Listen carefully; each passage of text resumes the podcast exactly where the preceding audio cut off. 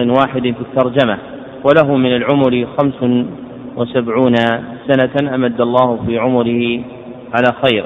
المقدمة الثانية التعريف بالمصنف وتنتظم في ثلاثة مقاصد. أيضا المقصد الأول تحقيق عنوانه أصل هذه الرسالة هو محاضرة حرفية ألقيت باسم مفهوم مفهوم البيعة وأحكام الخروج على ولاة الأمور. ثم قيدت مكتوبة ونشرت تحت نظر الشيخ بهذا الاسم. المقصد الثاني بيان موضوعه. أفصح اسم الكتاب عن مقصود هذه الرسالة وهو بيان ما يتعلق بمسألة البيعة والخروج على ولاة الأمور. المقصد الثالث توضيح منهجه. اكتست هذه المحاضرة بما جبل عليه علماء الدعوة الإصلاحية من كثرة الاستدلال بالآي والحديث وتقرير المعاني الشرعية بما دل عليه الدليل دون توجيه النظر إلى سواه. ومما ينبه إليه أن الجمع المذكور في كلمة الأمور الذي يعبر به جماعة من أهل العلم فيقولون ولاة الأمور أن هذا خطأ فإن الجمع إنما يصح في الأول فيقال ولي الأمر وأولي الأمر. وأما جمع الثاني فلم يأتي في الكتاب ولا السنة والعقل يأباه لأن أمر المسلمين واحد وإذا تشعبت أمورهم صارت محتاجة إلى جماعة من المدبرين فالذي يقول ولاة الأمور كأنه يثبت عددا من الولاة لكل واحد أمر وإنما يقال ولي الأمر وولاة الأمر. واعتبر هذا في القرآن والسنة تجد صدق ما ذكرت لك. نعم. بسم الله الرحمن الرحيم. الحمد لله رب العالمين وصلى الله وسلم على نبينا محمد وعلى آله وصحبه أجمعين. قال المؤلف حفظه الله تعالى الحمد لله رب العالمين وصلى الله وسلم على نبينا محمد وعلى آله وأصحابه أجمعين. أما بعد فإن الله سبحانه وتعالى أمر المؤمنين بالاجتماع ونهاهم عن التفرق والاختلاف. قال سبحانه وتعالى واعتصموا بحبل الله جميعا ولا تفرقوا. وقال سبحانه ولا تكونوا كالذين تفرقوا واختلفوا من بعد ما جاءهم البينات. وأولئك لهم عذاب عظيم. وذلك لما يترتب على اجتماع المؤمنين من القوة والتآلف والمحبة بينهم والتناصر على الحق. ولذلك شرع الله للمسلمين اجتماعات تتكرر عليهم في اليوم والليلة وتتكرر في الأسبوع وتتكرر في السنة. يجتمعون في مكان واحد لأداء يجتمعون في مكان واحد لأداء عبادة لأداء عبادة فريضة من فرائض يجتمعون في مكان واحد لأداء عبادة فريضة في عبادة وفريضة.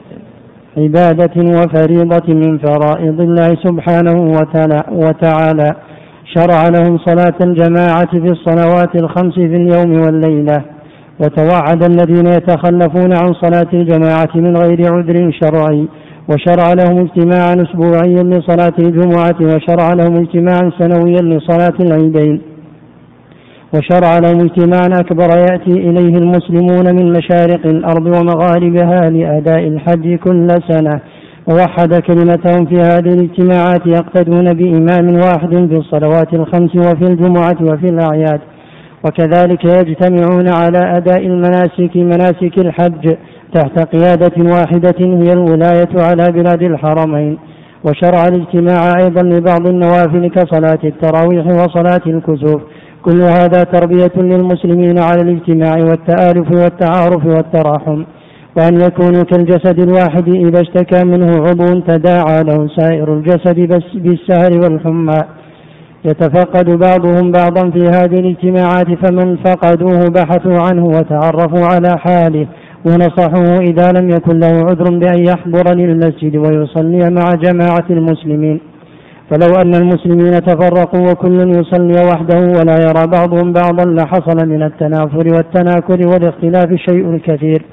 فهذا الدين ولله الحمد هو دين الاجتماع والتعاون على البر والتقوى والتناهي عن الإثم والعدوان. قرر المصنف حفظه الله في هذه الجملة بيان أصل عظيم من أصول هذه الديانة وهو إقامة الجماعة فإن الشرع جاء بالأمر بالاجتماع ونهى عن التفرق والاختلاف وهي إحدى المسائل الكبار وهي إحدى المسائل الكبار التي خالف فيها رسول الله صلى الله عليه وسلم أهل الجاهلية.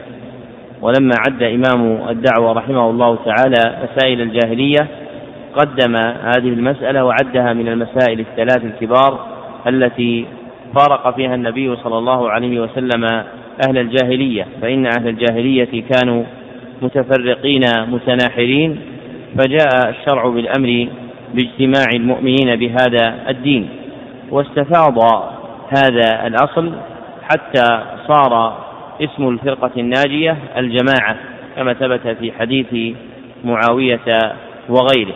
كل هذا إنما صيغ في الشرع لتقرير أمر الجماعة. ولتثبيت الجماعة في نفوس المؤمنين فإن الله عز وجل شرع للمؤمنين أن يجتمعوا في عبادات كثيرة. من العبادات المفروضة أو المتنفل بها في يومهم وفي أسبوعهم وفي سنتهم كاجتماعهم في الصلوات الخمس وفي صلاة العيدين والكسوف والتراويح واجتماعهم في الحج. كل هذه المظاهر إنما جعلت من الشرع لإقامة هذا الأصل في نفوس الناس. ولتثبيت هذه الشريعة في قلوبهم بحيث يصير من الأصول المحققة عندهم أن الجماعة أمر مأمور به شرعا وهي ملازمة للدين الكامل.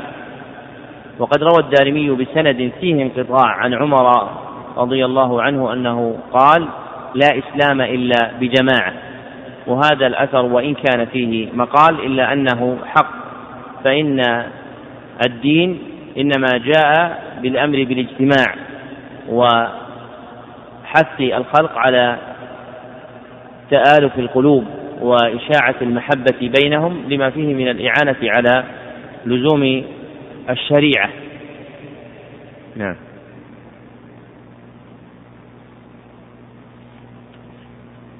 ولما كان الاجتماع للمسلمين لا يتم ولا يحصل إلا بقيادة تقودهم وتتولى أمورهم وتنفذ الأحكام الشرعية فيهم وتمنع الظالم عن ظلمه وتؤدي الحق إلى صاحبه فهذا لا يتم إلا بقيادة وولاية من المسلمين. والولاية والقيادة لا تتم إلا بالسمع والطاعة قال الله جل وعلا يا أيها الذين آمنوا أطيعوا الله وأطيعوا الرسول وأولي الأمر منكم وقال النبي صلى الله عليه وسلم لما طلب منه أصحابه لما طلب منه وقال النبي صلى الله عليه وسلم لما طلب أصحابه منه وصية قال أوصيكم بتقوى الله والسمع والطاعة وإن تأمر عليكم عبد فإنه من يعش منكم فسيرى اختلافا كثيرا.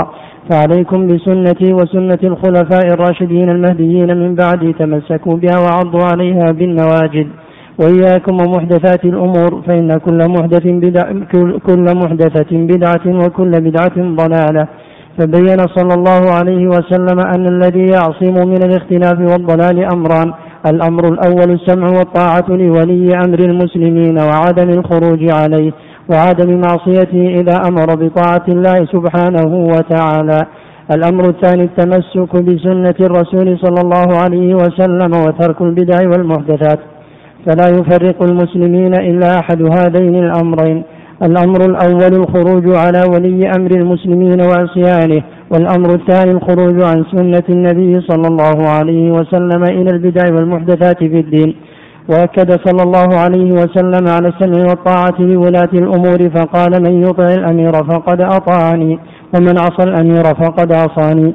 ونهى صلى الله عليه وسلم وشدد عن مفارقة جماعة المسلمين والشذوذ والاختلاف. فلذا قال صلى الله عليه وسلم من خرج عن الطاعة وفارق الجماعة ثم مات مات ميتة جاهلية. وفي حديث حذيفة رضي الله عنه أرشدنا عند الاختلاف ماذا نعمل؟ قال أرشدنا عند الاختلاف ماذا نعمل؟ قال له صلى الله عليه وسلم تلزم جماعة المسلمين وإمامهم قال فإن لم تكن لهم جماعة ولا إمام. قال فاعتزل تلك الفرق كلها ولو أن ولو أن تعض على أصل شجرة. تعض على ولو أن تعض على أصل شجرة حتى يدركك الموت وأنت على ذلك. فأمره باعتزال الفرق المختلفة والتمسك بالكتاب والسنة. ولو كان وحده حتى يأتيه الموت ويصبر على ما يلقى في ذلك من التعب ولو أن يعض على أصل شجرة. كل هذا يدل على احترام السمع والطاعة واحترام ولاة أمور المسلمين وعدم مخالفتهم ومعصيتهم. لما بين المصنف حفظه الله أن الإسلام إنما يقوم بجماعة وأن الشرع جاء بالأمر باجتماع المسلمين قرر أن جماعة المسلمين لا يتم أمرها إلا بقيادة تقودها وولي أمر يسوسها وهذا شيء اجتمعت عليه الأمم جميعا. مؤمنها وكافرها بل البهائم العجواء العجماء في كل صنف منها أمير يكون مقدم مقدم جماعتها. وإذا كان هذا في حق البهائم العجماء فهو آكد في حق الناس. لذلك لا توجد أمة مسلمة ولا كافرة إلا ولها قائد يقودها. وقد قرر الشرع الحكيم ذلك. كما في قوله تعالى في هذه الآية يا أيها الذين آمنوا أطيعوا الله وأطيعوا الرسول وأولي الأمر منكم. فإن المأمور بطاعته في هذه الآية ثلاثة أولهم هو الرب عز وجل وثانيهم هو الرسول صلى الله عليه وسلم وثالثهم هم ولاة الأمر. وإنما ذكر ولاة الأمر بعد الرسول صلى الله عليه وسلم ولم يفرد الفعل للإعلام بأن الولاة هم نواب عن النبي صلى الله عليه وسلم بعد وفاته في تدبير أمر المسلمين. فقد كان النبي صلى الله عليه وسلم هو إمام جماعة المسلمين في زمانه. فلما مات صلى الله عليه وسلم صار من يخلفه هم ولاة الأمر. والسنة كما قال شيخ الإسلام ابن تيمية هو أن يكون إمام المسلمين واحدا. والمتولون في البلدان هم نوابه. لكن إن تعذر إقامة هذا لضعف المسلمين وعجزهم أو قلة قيامهم بأمر دينهم صار كل متول على بلد هو ولي أمر ذلك البلد. فالشرع بين ثبوت الطاعة لولاة الأمر لكونهم نوابا عن النبي صلى الله عليه وسلم في تدبير أمر المسلمين. وكما أن العلماء هم نواب عن النبي صلى الله عليه وسلم في الإفتاء والعلم فإن الأمراء نواب عن النبي صلى الله عليه وسلم في السلطنة والحكم. وقد أمر النبي صلى الله عليه وسلم في حديث العرباض الذي ذكره الشيخ أمر بالسمع والطاعة لولاة الأمر. لأن أمر المسلمين لا يتم إذا نصبوا إماما إلا بأن يسمع ويطاع. ولهذا صار من دين المسلمين البيعة لولي أمرهم والمراد بالبيعة هو عقد السمع والطاعة لولي الأمر. فالبيعة تجمع هذين الشيئين وهما السمع والطاعة. فمن بايع إماما فقد عقد له سمعه وطاعته والتزم بأن يكون كذلك. ثم أتبع الشيخ رحمه حفظه الله هذا الحديث بحديث ثان في الطاعة وهو حديث من يطع الأمير فقد أطاعني ومن عصى الأمير فقد عصاني.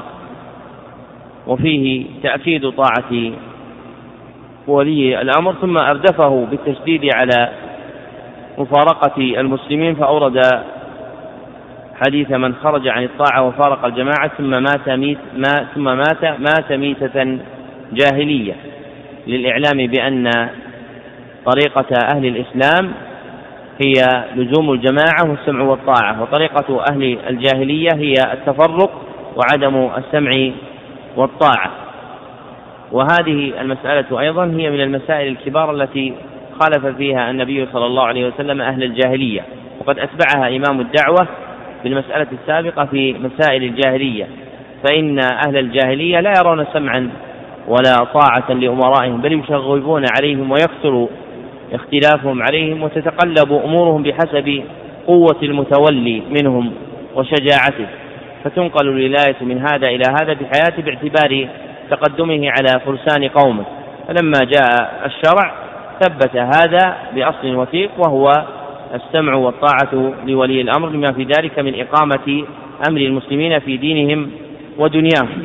وكذلك في حديث حذيفة في قوله صلى الله عليه وسلم تلزم جماعة المسلمين وإمامهم أمر بإقامة هذا الأصل وإذا لم تكن جماعة ولا إمام فإن الإنسان يؤمر باعتزال تلك الفرق التي تشعبت وتفرقت ولم يعد لها جماعة ولا إمام. نعم. ولكن أعداء الإسلام خصوصا في هذا الزمان يحاولون أن يبثوا الفرقة بين المسلمين ويحاولون ويحاولون أن ينشروا الأفكار الخبيثة والسموم القاتلة التي تفرق جماعة المسلمين وتبغض إمامهم إليهم وتبغضهم إلى إمامهم من أجل أن يتفرقوا ويصبحوا تحت أيديهم ويهون انقيادهم لعدوهم. لأن العدو يعلم أن المسلمين إذا اجتمعوا تحت قيادة إمامهم فإن عدوهم لن يستطيع أن ينال منهم. أما إذا تفرقوا واختلفوا فإن العدو يتغلب عليهم ويتدخل في شؤونهم وحينئذ لا يرحمهم ولا يشفق عليهم. لأنه عدو والعدو لا يتوقع منه رحمة ولا يتوقع منه خير.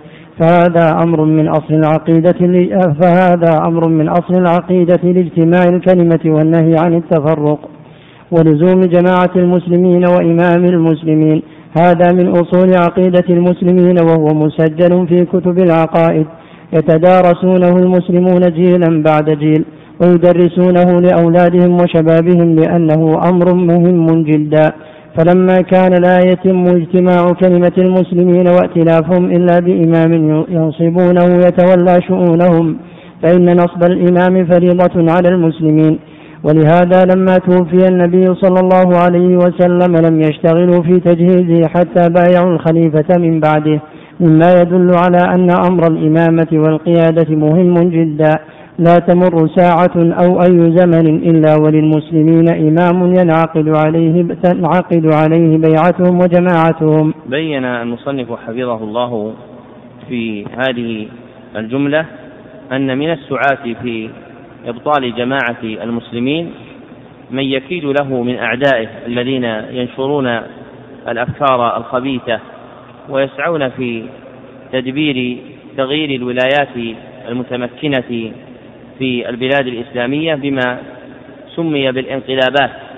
فإن هذه إنما سعى فيها الكفار ثم علقها من علقها من جهلة المسلمين وجعلها طريقا للتغيير وتبديل الولاية وأشباه هذه المكائد لا تزال تصبح وتمسي على المسلمين فينبغي أن يحذر المرء من الانسياق إلى الدعايات المغرضة التي يبثها الكفرة ومن تقلد أقوالهم من الدعوة إلى الحريات المطلقة وغيرها من الشعارات التي ظاهرها الدسم وباطنها السم وما دخلت هذه المقالات إلى بلد إلا أفسدت أهله وغيرت ولايته وتحول الناس إلى شر مما كانوا عليه. وإذا اعتبر الإنسان بحال المسلمين في بعض البلدان وما آلوا إليه بعد تبديل الولاية المتمكنة فيهم وما تقلبوا فيه من شر بعده إلى اليوم منذ أكثر من بضعة عشر سنة علم مقدار ما يكيده الأعداء لأهل الإسلام. ثم نبه المصنف حفظه الله إلى أن هذا الأصل من الأمر بالاجتماع ولزوم الجماعة ونصب الإمام أن هذا من أصول عقيدة المسلمين وقد دونه من كتب من أهل السنة في عقائدهم ولم يزل أهل السنة على إقامة هذا الأصل وإشاعته وبيانه. وهم إنما أدخلوه في العقائد وإن كان أصلا من أبواب الطلبيات لأن المخالفة فيه صارت شعارا لأهل البدع من المعتزلة والخوارج ومن تعلق مقالاتهم من بعدهم. فلما ظهرت هذه القالة بين المسلمين من تسويغ الخروج على ولاة الجور ونزع يد الطاعة منهم وتفرقة الجماعة صار من دين أهل السنة والجماعة التنبيه إلى هذه الأصول.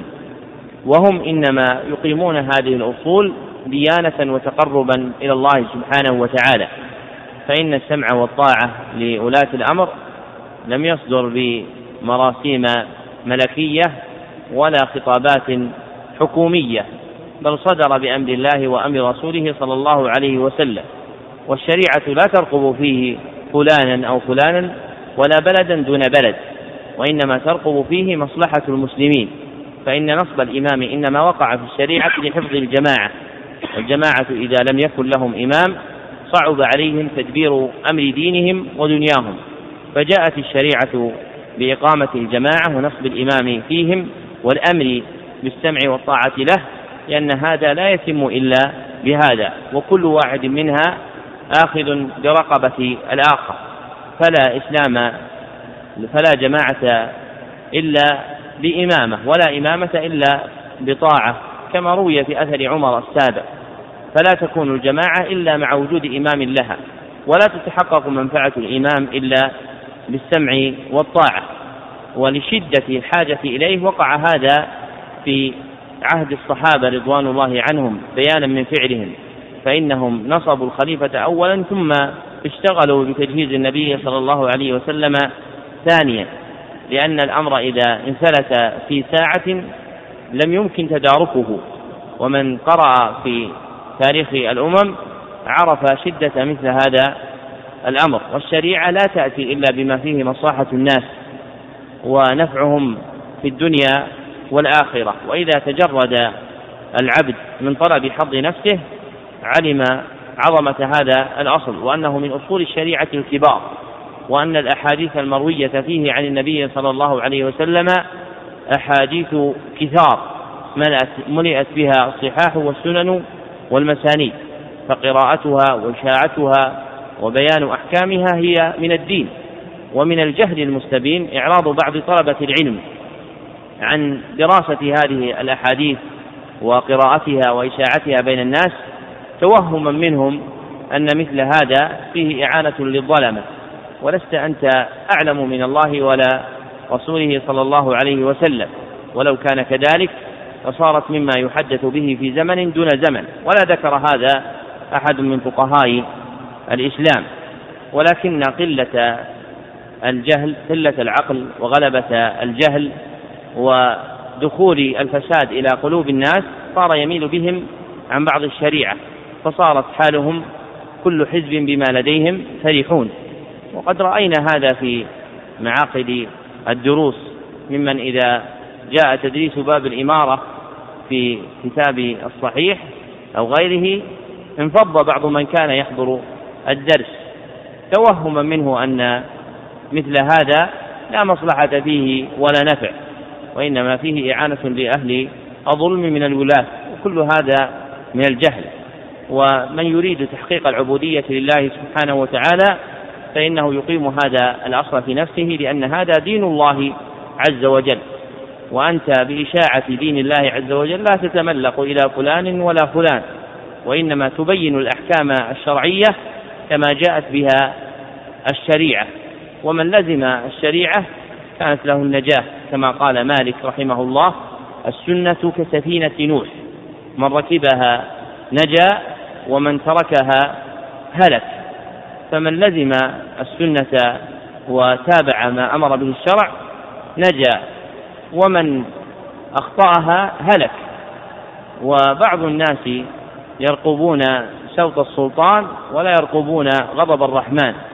فتجد أنهم يزيفون هذه الأحكام تارة تزلفا إلى السلطان فيعظمون شأنها فوق ما أمرت به الشريعة.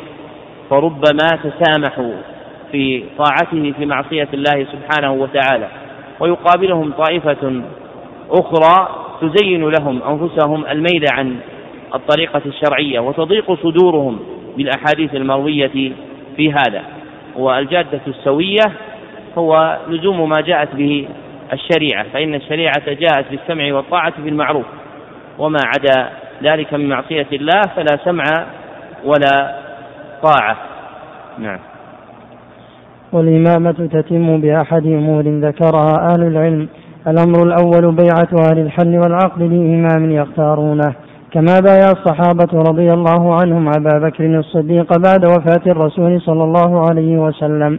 فبايعه أهل الحل والعقد من المهاجرين والأنصار وتبعهم بقية المسلمين.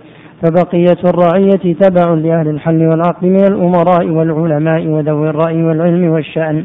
فإذا بايع هؤلاء فالبقية تبع لهم لأنهم ينوبون عنهم ويمثلونهم لأن المسلمين كالجسد الواحد وكالبنيان يشد بعضه بعضا. هذا الطريق الأول من طرق من طرق من طرق انقياد البيعة لولي الأمر. أن يختاره أهل الحل والعقد من المسلمين فيبايعونه فإذا تمت بيعته من أهل الحل والعقد لزم طاعته والانقياد له. من حضر البيعة ومن لم يحضرها من المسلمين. الأمر الثاني اختيار الإمام ولي العهد بعده أن يختار ولي أمر المسلمين من يتولى الأمر من بعده فتسمى هذه ولاية العهد. فإذا اختار ولي الأمر من يقوم بالأمر من بعده لزم الطاعة لزم الطاعة ولي العهد من بعد موت الإمام. وتنفذ إمامته باختيار ولي الأمر له لأن ولي الأمر يكون نائبا عن المسلمين. فإذا اختار وليا للعهد لزم المسلمين القبول والطاعة. والدليل على هذا اختيار أبي بكر رضي الله عنه لعمر بن الخطاب والله العهد من بعده فرضي بذلك المسلمون. وانقادوا ولم يعترضوا فعمر بن الخطاب تولى الأمر بولاية العهد ممن قبله وهو أبو بكر الصديق رضي الله عنه. وعهد عمر بن الخطاب رضي الله عنه إلى ستة من إلى ستة من العشرة المبشرين بالجنة. فاختاروا واحدا وهو أفضلهم وهو عثمان بن عفان رضي الله عنه. الأمر الثالث وهو الطريق الثالث مما تتم به بيعة ولي الأمر. إذا تغلب بسيفه على المسلم إذا تغلب بسيفه على المسلمين حيث لم يكن هناك ولاية فقام رجل فيه الكفاءة. وفيه القوة وتغلب بالقوة والسيف فإنه تجب طاعته وتتم ولايته بذلك. لأن منازعته تجر لتجر على المسلمين شرا وتفجر خلافا وسفكا للدماء. فإذا قام واحد من المسلمين في مجتمع ليس فيه إمام إما أنه مات الإمام أو غير ذلك وتغلب بالقوة والسيف وهو مسلم فإنه تجب طاعته. أما أن يقوم هذا وولي الأمر موجود فهذا أمر محرم ولا يجوز. وأمر النبي صلى الله عليه وسلم بقتله قال من أتاكم وأمركم جميع على رجل واحد يريد أن يشق عصاكم أو يفرق جماعتكم فاقتلوه كائنا من كان. أما إذا لم يكن هناك ولي أمر وقام من المسلمين من تتوفر فيه الكفاية وتغلب بالقوة ففي هذا خير للمسلمين. وتلزم طاعته ويمثلون لذلك بعبد الملك بن مروان بن مروان الأموي. فإنه لما انتهت الخلافة من معاوية ويزيد ابنه وحصل من المسلمين ما حصل. من الاختلاف قام عبد الملك بن قام عبد الملك بن مروان وكان رجلا شهما شجاعا عالما حازما. فضبط الأمور واستولى على الرعية فأطاع له المسلمون وفيهم العلماء وفيهم أصحاب الرأي وانقادوا له. وأطاعوا لما في ذلك من المصلحة للمسلمين. فهذه الأمور فهذه الأمور الثلاثة التي تتم بها البيعة بولاية الأمر كما ذكرها أهل العلم أخذا من تاريخ المسلمين الماضي في عهد الصحابة والتابعين والقرون المفضلة. فيجب علينا أن نسير على هذا المنهج ولا نستورد ولا نستورد نظاما من الخارج مخالفا للإسلام مخالفا للإسلام ونتبعه. بل يجب أن نتبع ما جاء به الشرع المطهر وسار عليه المسلمون وأقروه. فمن خالفه فقد شد عن الجماعة ومن شد شد في النار. سبق أن عرفت أنه لا إسلام إلا بجماعة ولا جماعة إلا بإمامة. والمراد بالإمامة هي ولاية الأمر في السلطان والحكم. فإن اسم الإمامة يقع على معان عدة لكن المرادة في هذه الأحكام إنما هي الإمامة المتعلقة بالحكم فيقال إن الإمامة هي ولاية أمر السلطان والحكم. وقد ذكر أهل العلم رحمهم الله تعالى أن الإمامة تنعقد بأحد طرق ثلاث. جمعها السفاريني بقوله ونصبه بالنص والإجماع وقهره فحل عن الخداع ونصبه بالنص والإجماع وقهره فحل عن الخداع. فهذه طرائق ثلاث تحصل بها الإمامة. أولها النص عليه من متول قائم حكمه فإذا عين ولي الأمر حاكما من بعده لزم الناس طاعته. ودليل هذا نص أبي بكر رضي الله عنه على عمر فإنه جعل الإمامة إليه من بعده وأقر المسلمون بالبيعة لعمر. والطريق الثاني الإجماع على بيعة أحد من المسلمين. كما أجمع الصحابة على بيعة أبي بكر الصديق بعد النبي صلى الله عليه وسلم. وثالثها قهره وتغلبه فإذا تغلب أحد على سدة الحكم والسلطان في بلد من بلاد المسلمين واستتب له الأمر كانت له البيعة. فإن ابن عمر وغيره من الصحابة بايعوا عبد الملك بن مروان لما حصل ما حصل من الاختلاف في زمن بني أمية مع عبد الله بن الزبير وإخوانه ثم تغلب عبد الملك ابن مروان وبايعه ابن عمر وغيره من الصحابة. فدل هذا على أن من تغلب على شدة الحكم بايعه المسلمون وانعقدت له الإمامة. وإذا كان الزمن زمن فتنة والمتغلبون يتناوبون على الغلبة فإن الإنسان يلتزم طاعة من غلب منهم فإذا خلع التزم طاعة من بعده. فقد ثبت عن ابن عمر رضي الله عنه أنه كان في زمن الفتنة إذا تولى أمير صلى وراءه وأدى إليه زكاته.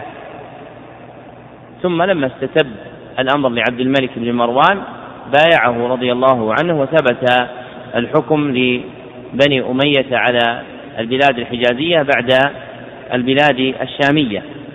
هذه الطرائق الثلاث هي الطرائق التي دلت عليها الشريعة في عهد الصحابة رضوان الله عنهم فإن الحكم بهذه الثلاث وقع في عهد الصحابة جميعا فدل على الاحتجاج بفعلهم على كل واحدة مما ذكرنا. ثم أشار المصنف رحمه الله تعالى إلى التحرير من استيراد أنظمة في الحكم من الخارج والمراد بالخارج خارج هذه البلاد سواء كان من بلاد للمسلمين أخرى أو من بلاد الكفرة. لأن الواجب هو اتباع الشرع المطهر وهو يشير بذلك إلى ما يسمى إيش؟ ها يا أحمد يشير بذلك إلى الانتخابات ما حكم الانتخابات؟ أو يشير إلى غيرها؟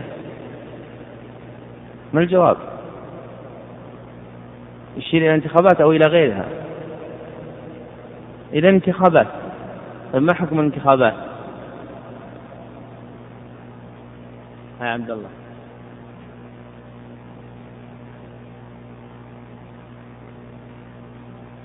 عبد الله يقول لا تجوز لأنها من عادات الكفار.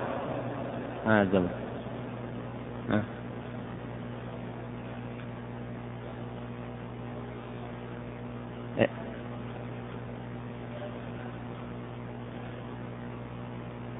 وش الدليل على هذا؟ إيش؟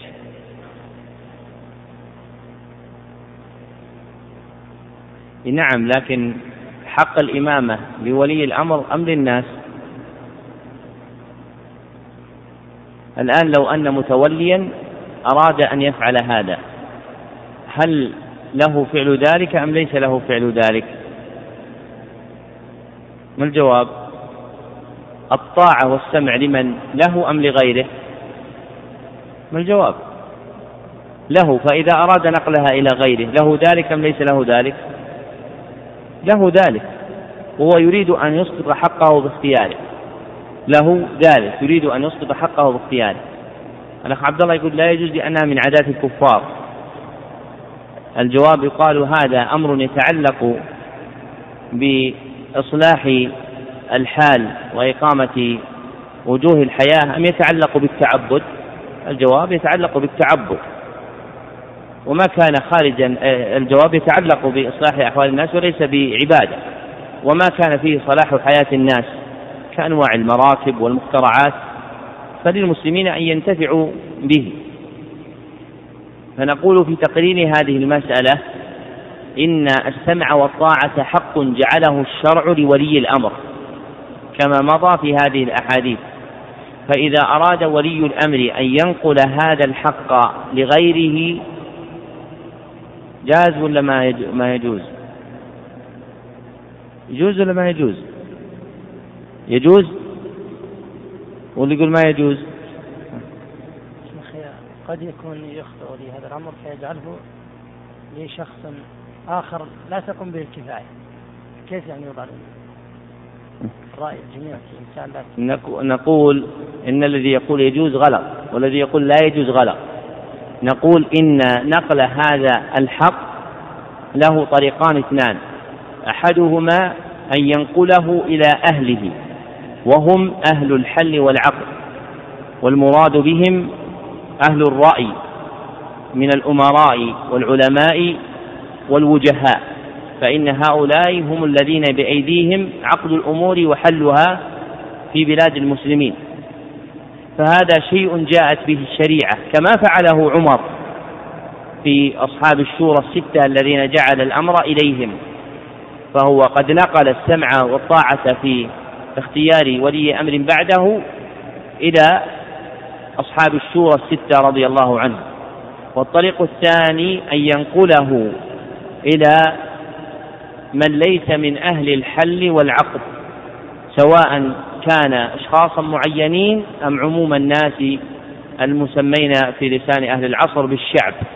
فهذا لا يجوز جزما لأن الأمر المقصود شرعا من انتظام حياة الناس لا يتحقق بهذا.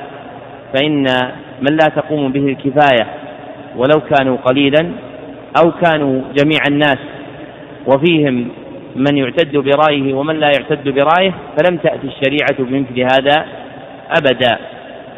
هذا هو الذي يقتضيه الدليل في هذه المسألة. وسلامة الجادة البقاء على الأصول المعتمدة في الدين في ما ينصب به ولي الأمر. ولكن إن فعل ولي الأمر هذا على الوجه الذي ذكرناه من نقله إلى أهل الحل والعقد كان ذلك جائزا بلا مرية. نعم. أما ما يذكر الآن من البيعة لبعض الفرق السياسية أو الفرق المبتدعة من أنهم يبايعون واحدا من جماعات سياسية لا تدخل في طاعة ولي أمر المسلمين ولا ترى رأي المسلمين. إنما تريد أن إنما تريد إنما تريد أن تفرق الشمل فيبايعون واحدا منهم فهذه بيعة باطلة. وهذه ينطبق عليها قول الرسول صلى الله عليه وسلم من أتاكم وأمركم جميع على رجل واحد يريد أن يشق عصاكم أو يفرق جماعتكم فاقتلوه كائنا من كان. والنوع الثاني من هذه البيعة الباطلة هو بيعة أهل البدع من الصوفية وغيرهم يبايعون واحدا منهم على أنهم يتبعونه ولا يخالفونه مهما أمرهم يطيعونه في أمره. هذه بيعة أهل التصوف التصوف ويطيعونه طاعة عمياء وينقادون له انقيادا تاما وهو على غير هدى. وليس هو ولي وليس هو ولي الأمر.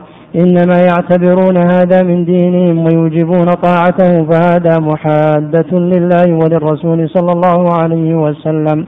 فإن المسلمين كما ذكر شيخ الإسلام ابن تيمية رحمه الله تعالى أجمعوا على أن من يرى أنه تجب طاعة أحد غير رسول الله صلى الله عليه وسلم فإنه يستتاب فإن تاب وإن, فإن تاب وإلا قتل فلا أحد تجب طاعته بعد الرسول صلى الله عليه وسلم.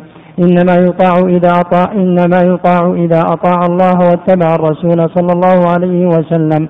أما إذا خالف الرسول وخط له خطا يخالف منهج الرسول صلى الله عليه وسلم في العبادة أو في الاتباع فهذا يجب قتله إذا لم يتب إلى الله سبحانه وتعالى. فالبيعة إنما تكون لولي الأمر قال تعالى إن الذين يبايعونك إنما يبايعون الله يد الله فوق أيديهم. أي يبايعون الرسول صلى الله عليه وسلم وكذلك يبايعون الخلفاء بعد الرسول صلى الله عليه وسلم.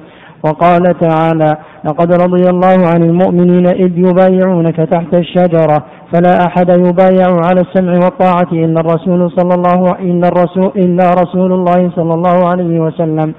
أو الخليفة وولي الأمر أما القيادات الجماعية والحزبية والقيادات البدعية. فهذه بيعات باطلة ولكن الأخيرة أشد وهي إلزام الناس بطاعة أحد غير الرسول صلى الله عليه وسلم. لما بين المصنف حفظه الله البيعة الشرعية وهي عقد السمع والطاعة لولي الأمر أتبعها ببيان البيعة البدعية فإن البيعة الموجودة اليوم في بلاد المسلمين هي نوعان اثنان. أولهما بيعة شرعية وهي عقد السمع والطاعة لولي الأمر والثاني بيعة بدعية وهي بيعة لم تأتي بها الشريعة وهي نوعان اثنان أحدهما بيعة التوبة الموجودة عند المتصوفة. التي يبايع فيها المريد شيخه على التوبة إلى الله سبحانه وتعالى والانخلاع انخلاع من أحواله الردية والالتزام بالطريقة وأورادها وأحوال أهلها. والثاني بيعة الحزب وهي الموجودة عند الأحزاب والجماعات المعاصرة. وهي عندهم تنقسم إلى قسمين اثنين. الأول بيعة إمارة. وهي تستقل عن طاعة ولي الأمر. فيكون اللازم للمبايع هو طاعة من بايع لا طاعة ولي الأمر المتمكن في البلد. والثاني بيعة عمل. وهي لا تستقل عن ولي الأمر ولكن تحصل البيعة لأجل تسيير أمر ما يدعو إليه الحزب سواء كان من الأحزاب اليمينية أو اليسارية أو الإسلامية. وكل هذه الأنواع كلها مبتدعة ولا تجوز ومن سوغ بيعة العمل وقال إننا لا نستقل عن ولي الأمر ولكن يراد بها تنظيم العمل وتسييره وإيصال المراد إلى الأتباع. قيل له إن الشرع لم يأتي إلا ببيعة واحدة لولي الأمر. فإن كنت ولي الأمر كانت لك البيعة وإن كنت وإن لم تكن هو فلا تجوز لك البيعة. وإذا أقر بأنه ليس بولي الأمر بطلت بيعته. والشرع لم يأتي في إنجاز الأمور ببيعة غير ولي الأمر. ولو كان في الدعوة إلى الله سبحانه وتعالى وفي الصحيح في بعث معاذ وأبي موسى رضي الله عنهما إلى اليمن أن النبي صلى الله عليه وسلم قال تطاوعا. فأمر كل واحد منهما أن يجتهد في طاعة أخيه ولم يمضي طاعة أحدهما على الآخر ويلزمه بالآخر.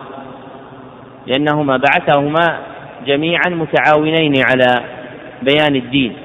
فإذا كان المقصود هو التعاون على بيان الدين كان الأصل هو التطاوع وليس الطاعة. فإن الطاعة التي يلتزم بها أحد لأحد دون ولي الأمر بأن يطيعه من كل وجه ليست في دين الله سبحانه وتعالى. نعم. فيجب التنبؤ لهذا الأمر فإنه أمر مهم جدا. ولا يجوز أن يقلل من شأن ولي الأمر وأن يتكلم فيه في المجالس أو في الخطب أو المحاضرات. فلا يجوز أن يتكلم بأخطائه وتشاهر أخطاؤه لأن هذا مفرق للكلمة ويجر ويجرئها على ولاة الأمور. وربما يؤول إلى القتال وشق عصا الطاعة ولكن ولي الأمر يناصح. قال النبي صلى الله عليه وسلم الدين النصيحة الدين النصيحة الدين النصيحة. قلنا لمن يا رسول الله؟ قال لله ولكتابه ولرسوله ولأئمة المسلمين وعامتهم. فتوصل إليه النصيحة سرا بينه وبين الناصح إما عن طريق المشافهة وإما عن طريق الكتابة وإما عن طريق المكالمة الهاتفية وإما عن طريق الوصية بأن يوصى من يبلغه بالنصيحة. ولا تفشى النصيحة على الناس وتشهر بأخطاء وتشهر بأخطاء ولاة الأمور لأن هذا يجلب شرا ولا يحقق خيرا. وهذا المسلك هو الذي سلكه الخوارج. سلكه من قبل عبد الله عبد الله بن السوداء اليهودي حينما أخذ يسب عثمان الخليفة الراشد ثالث الخلفاء الراشدين جعل هذا اليهودي الذي ادعى الإسلام ينفث سمومه بين المسلمين. ويؤلب على خليفة رسول الله صلى الله عليه وسلم حتى نتج عن ذلك ما نتج من قتل عثمان رضي الله عنه. وانفتح باب وانفتح باب الفتنة على الأمة. ولا تزال الأمة تعاني بعد مقتل عثمان بسبب هذا الخبث بسبب هذا الخبيث الحاقد. الذي أخذ ينفث سمومه بس الذي أخذ ينفث سمومه بمسبة الخليفة حتى حقد سفهاء. حتى حقد السفهاء وضعاف العقول وضعاف الإيمان على ولي الأمر وانتهى الأمر إلى ما انتهى إليه من الجريمة الكبرى. وكذلك ما حصل من الخوارج من الشرور على المسلمين ولا يزال يخرج منهم من يخرج ويحصل شرور على المسلمين بسبب مخالفة ولاة الأمور وشق عصا الطاعة. بحجة الغيرة على الدين وإنكار المنكر بل هذا هو المنكر نفسه وليست النصيحة وهذا هو المنكر وليس الأمر بالمعروف. هذه طريقة الخوارج والمعتزلة فهم, فهم يقومون على ولاة الأمور ويشقون عصا الطاعة ويقولون هذا من إنكار المنكر بل هذا هو المنكر نفسه. لما, لما يلزم عليه من شق عصا الطاعة وتفريق الجماعة وسفك الدماء وانتهاك الأعراض ونهب الأموال وتسلط, وتسلط الأعداء. ليس هذا هو العلاج إذا حصل أخطاء من بعض ولاة الأمور. ليس العلاج أن يشهر أخطاؤهم. في المجتمع لأن هذا يحقد الناس ويجرئ الأشرار. وبالتالي يؤول, ويؤول إلى الإفتراق والشقاق ويؤول إلى ما لا تحمد عقباه. فهذا أمر يجب التنبه له لأنه قد ينطلي على بعض الناس أن هذا من الغيرة على دين الله ومن إنكار المنكر. نعم إنكار المنكر واجب لكن له درجات وله أحوال وله نظام. بينه النبي صلى الله عليه وسلم في سنته فليس من إنكار المنكر التشهير بولاة الأمور وتحريض الناس عليهم وتكبير أخطائهم. فهم بشر يخطئون ويصيبون لا شك في ذلك. ولا نقول لا يناصحون بل يناصحون ولكن تكون النصيحة بالسرية التامة التي يحصل بها الخير ويندفع بها الشر. فهذه أمور يجب التفطن لها لأننا الآن نعيش في عالم اختلط فيه الحابل بالنابل وظهر من يدعي, من يدعي العلم والله أعلم بحقيقته وظهر من يدعي النصيحة والله أعلم بما يكن في نفسه. فحصل خوض في هذا الأمر العظيم وبأصل من أصول العقيدة لا يجوز التهاون به. والعلماء لم والعلماء لم يهملوا هذا الشيء بل إنهم ذكروه في كتب العقائد ونظموه. ووضحوه وبينوا ما لولاة الأمور من الحق وما للرعية من الحق. بينوا ما لولاة الأمور على الرعية من الحق وبينوا ما للرعية على الولاة من الحق. بموجب الكتاب والسنة لا بموجب الأهواء أو التقليد الأعمى أو التأثير بما عند الكفار من الفوضى التي يسمونها الديمقراطية. فأمر المسلمين أمر متميز. قال الله تعالى كنتم خير أمة أخرجت للناس. تأمرون بالمصنف في هذه الجملة وجوب التنبه إلى حفظ هذا الأصل العظيم وهو الإمامة والحذر من تقليل شأن ولي الأمر والبراءة والبراءة من الكلام فيه في المجالس أو في الخطب أو في المحاضرات لأن الشرع لم يأتي بهذا والمأمور به هو مناصحة ولي الأمر.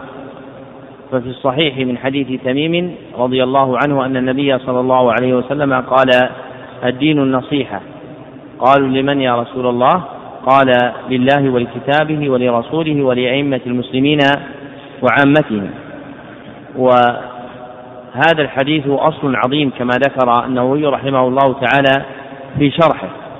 ولكل واحد من هؤلاء حق في صرف النصيحة إليه ويجب أن يكون صرف النصيحة وفق الطريقة الشرعية المرعية. وليس للإنسان أن يبتدئ من عند من عند نفسه طريقة لم تأتي بها الشريعة. ومن جملة ما بينته الشريعة أن مناصحة ولاة الأمر تكون سرا ولا تكون جهرا.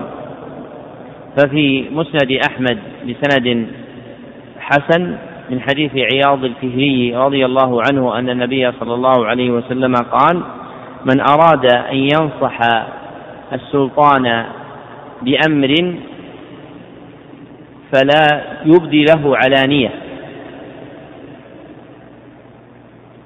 ومعنى قوله صلى الله عليه وسلم فلا يبدي له علانية أي لا يظهره بينه وبين الناس بل يكون سرا بينهما. والدليل على ذلك قوله صلى الله عليه وسلم بعد ذلك ولكن ليأخذه إلى بيته.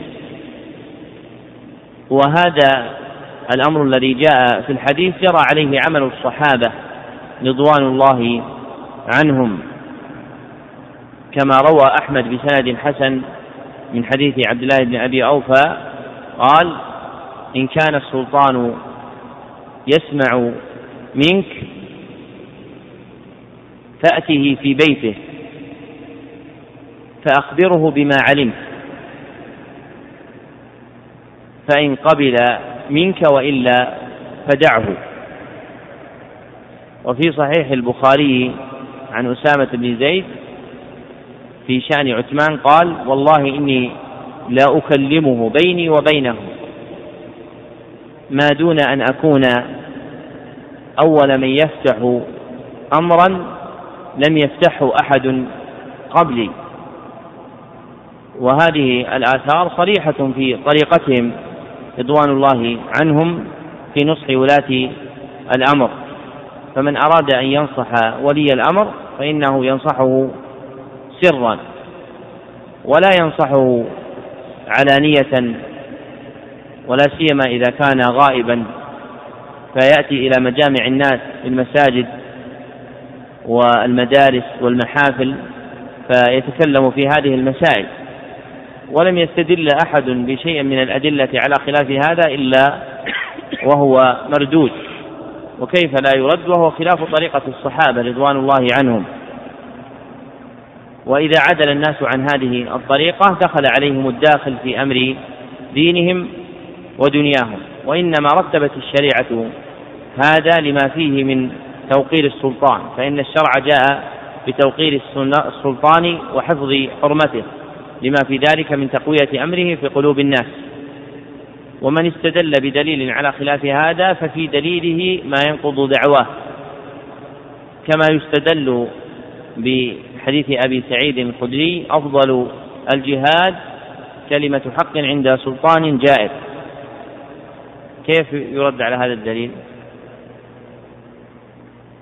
الجواب؟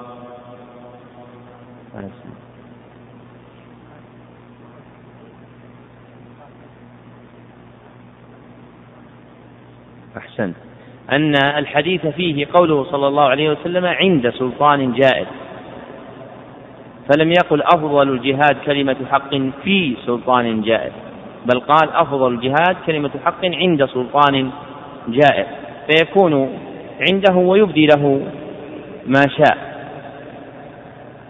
وإنما شاع الوقيعة في الولاة في صدر الإسلام لما جرى عبد الله بن سبأ بن السوداء اليهودي في نقض بيعة عثمان وألب عليه الناس وعلقت هذه الطريقة بدين الخوارج والمعتزلة فصارت من جملة عقائدهم.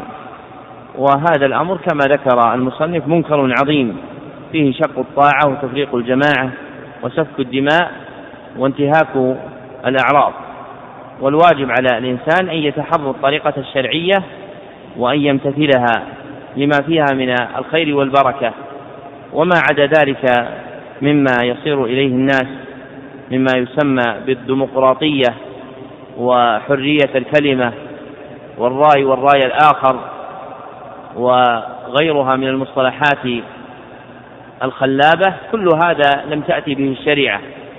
وكل مدع دعوا فيه فإنه كاذب في دعواه.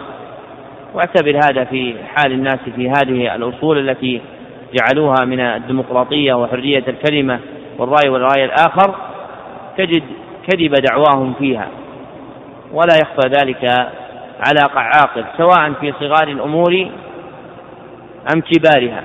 وانظر إلى ما عليه كثير من أهل الفكر والثقافة من مصادرة ردود أهل الحق وعدم إشاعتها في وسائل الإعلام. وهم يقولون إنهم يدعون إلى الرأي والرأي الآخر. نعم. أذن لحظة.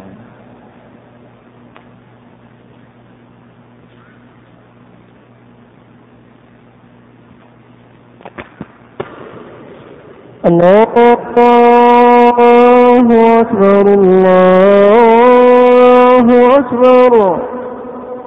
الله أكبر الله أكبر.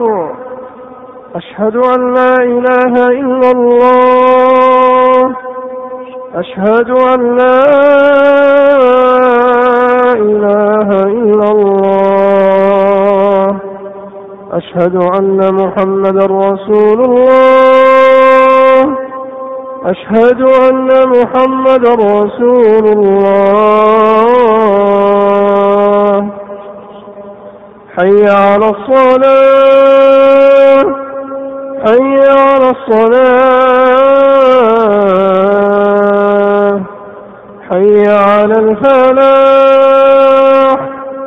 حي على الفلاح. الله أكبر الله أكبر. لا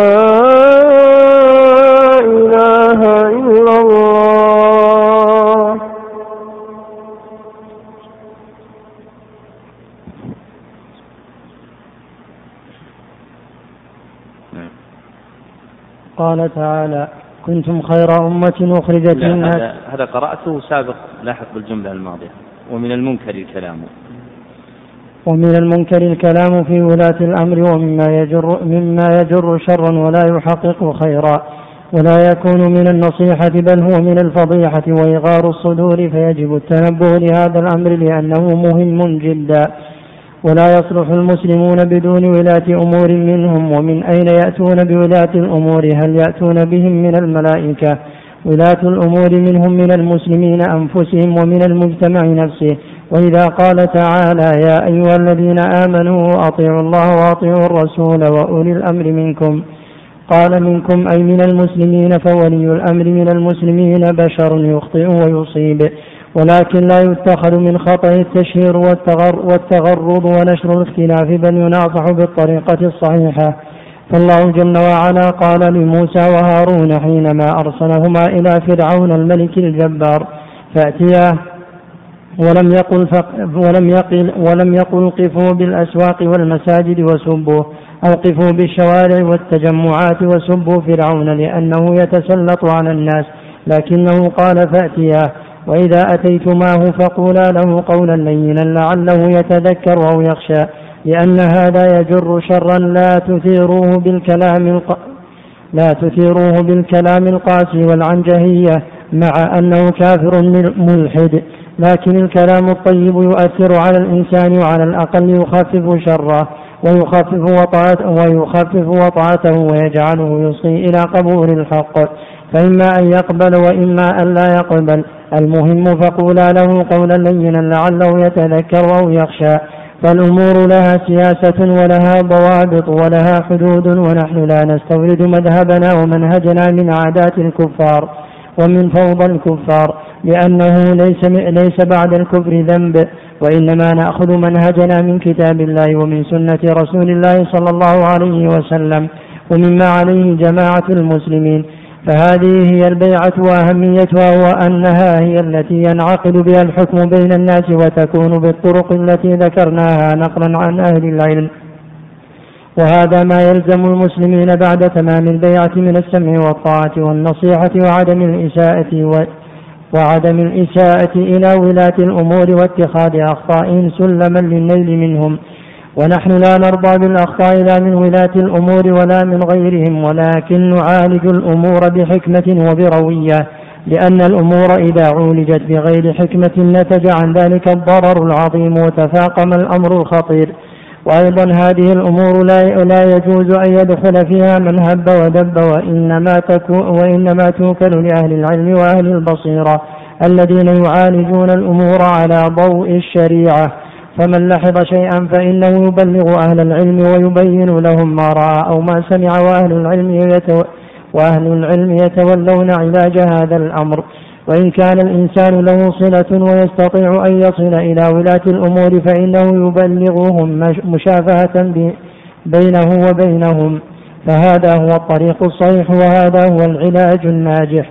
وأما غير ذلك فإنه الفوضى والشر وانحلال الكلمة وتفرق الجماعة. وبالتالي يحل بالمجتمع ما حل بالمجتمعات الفوضوية.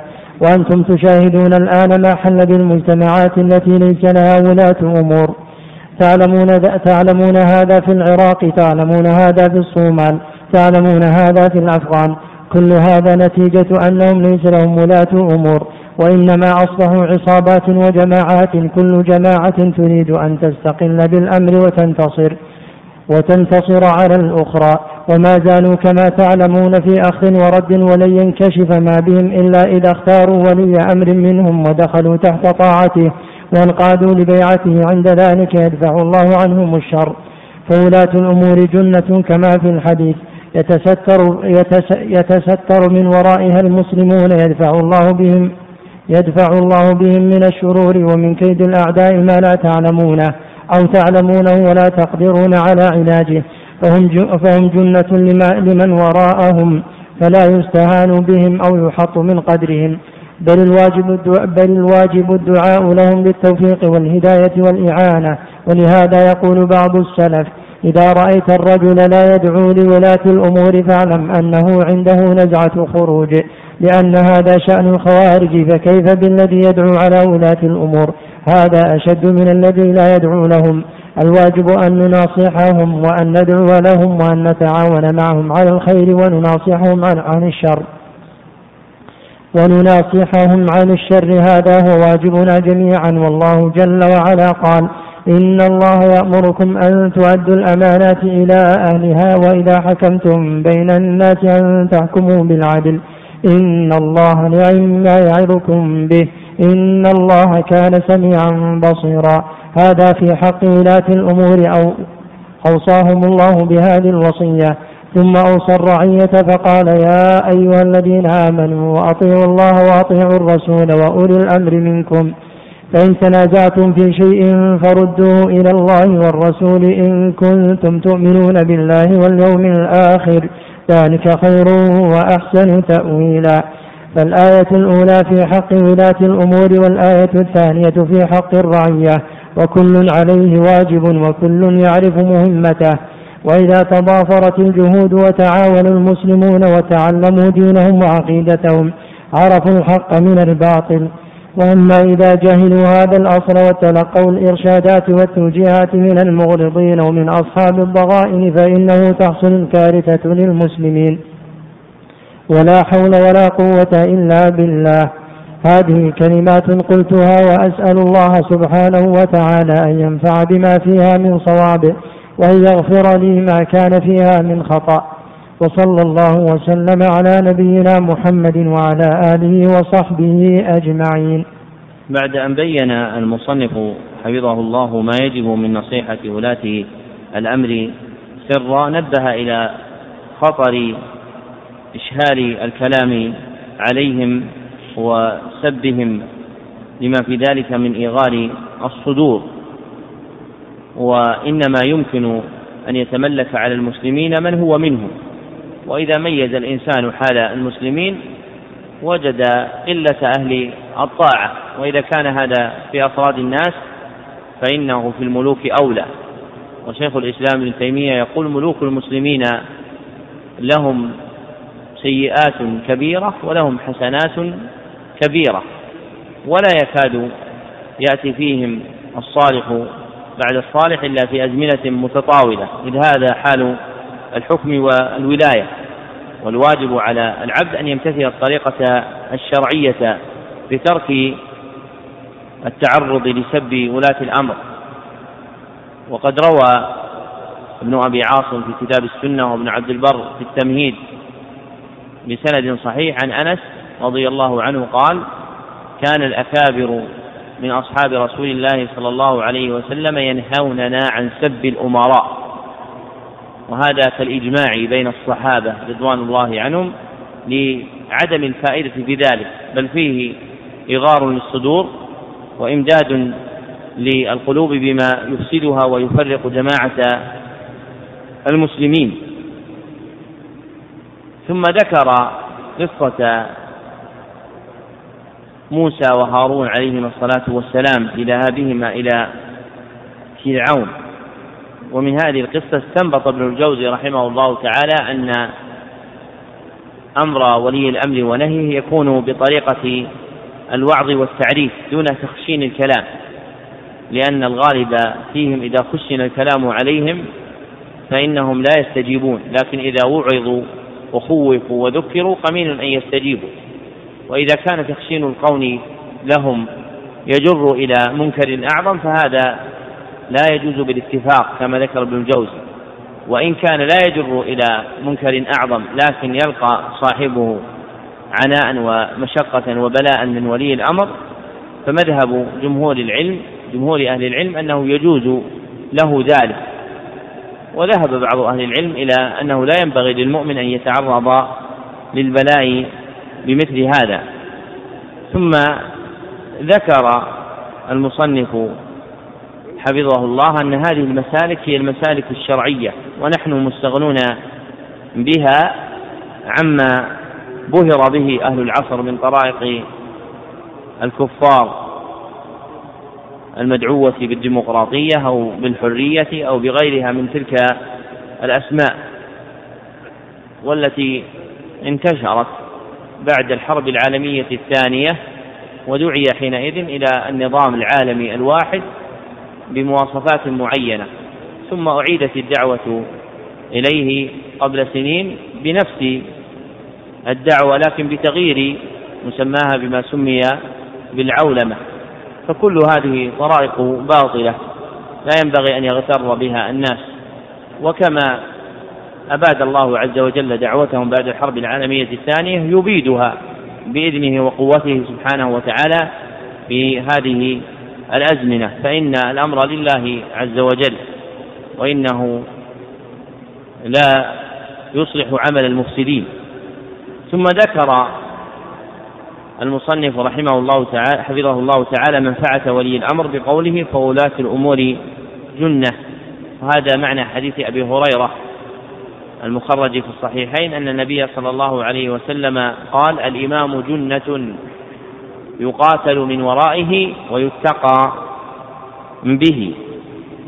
ومن أحسن متون العقيدة التي ذكرت وظائف ولي الأمر وما يتعلق به الدرة المضيئة للسفارين.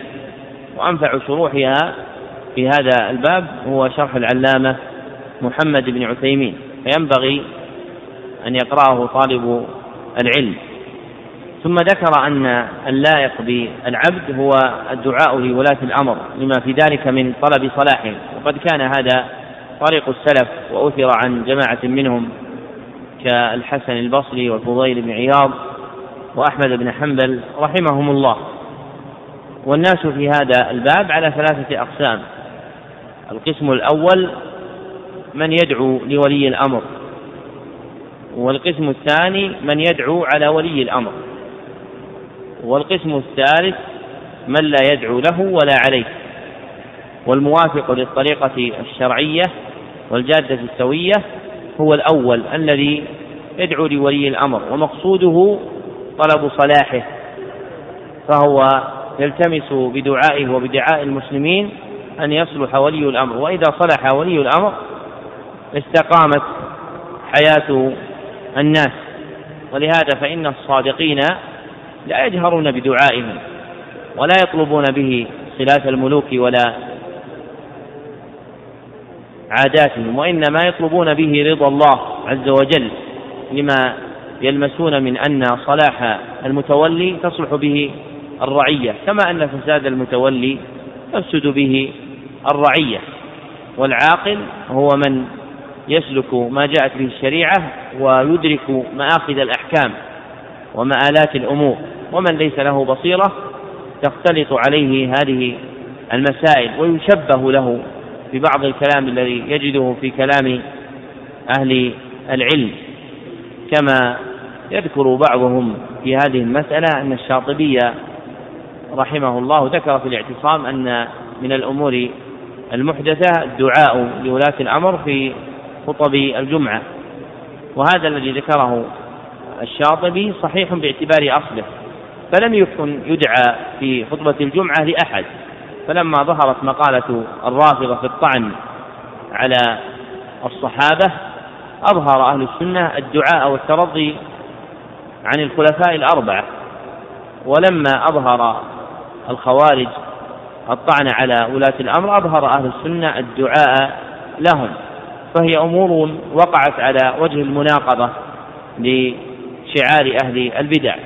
وأهل السنة إنما يلتمسون فيها ثواب الله سبحانه وتعالى. ومن تأمل سير علمائهم وجد الصدق فيها فإنهم يدعون لولي الأمر وينصحونه ويدعون الناس إلى لزوم طاعته إعمالا لهذه الأصول جميعا رجاء ثواب الله سبحانه وتعالى.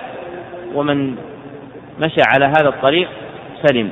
ومن تنحى عنه إلى غيره مما تزينه النفوس وغيرها فإنه يهلك ويعطب ويلحقه الضرر في دينه ودنياه. وهذا آخر التقرير على هذا المجلس. وقد أثبت الإخوان في تصوير هذه الرسالة الأسئلة التي سئل عنها الشيخ فأجاب بها وهي أسئلة يلزم طالب العلم أن يقرأها وأن يطلع عليها والله أعلم. صلى الله وسلم على عبده ورسوله محمد وآله وصحبه أجمعين.